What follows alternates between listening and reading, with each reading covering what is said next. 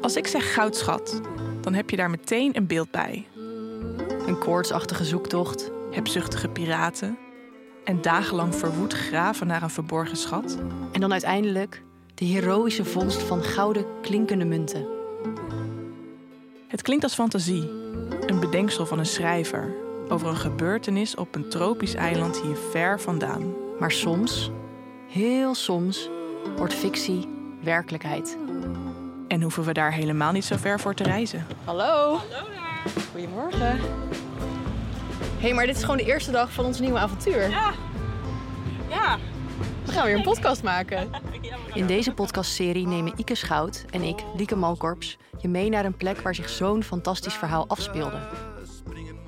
Want het Zeeuwse dorpje Seruskerken is de plek waar in 1966 eeuwenoude gouden munten worden opgegraven. Dit is wel een, een onvoorstelbare munt voor ons geweest. Het blijkt de grootste goudvondst van de 20e eeuw.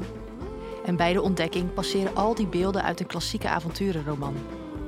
Beruchte piraten, Aan boord allemaal moren, eh, donker getint, eh, bijna een toverschip. En dan komt er dan zo'n Nederlander v- van die, van die loopplank af. twistende goudzoekers, Het vinden van de goudschat heeft gemaakt dat mensen argwanend werden als er gegraven werd ergens.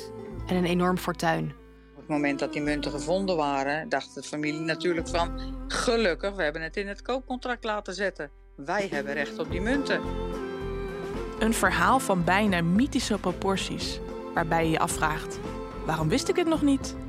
Waarom is dit nieuws van wereldformaat zo in de vergetelheid geraakt? Volgens mij praat u ook niet graag over die gebeurtenis toen en het geld. En dat. zou doen?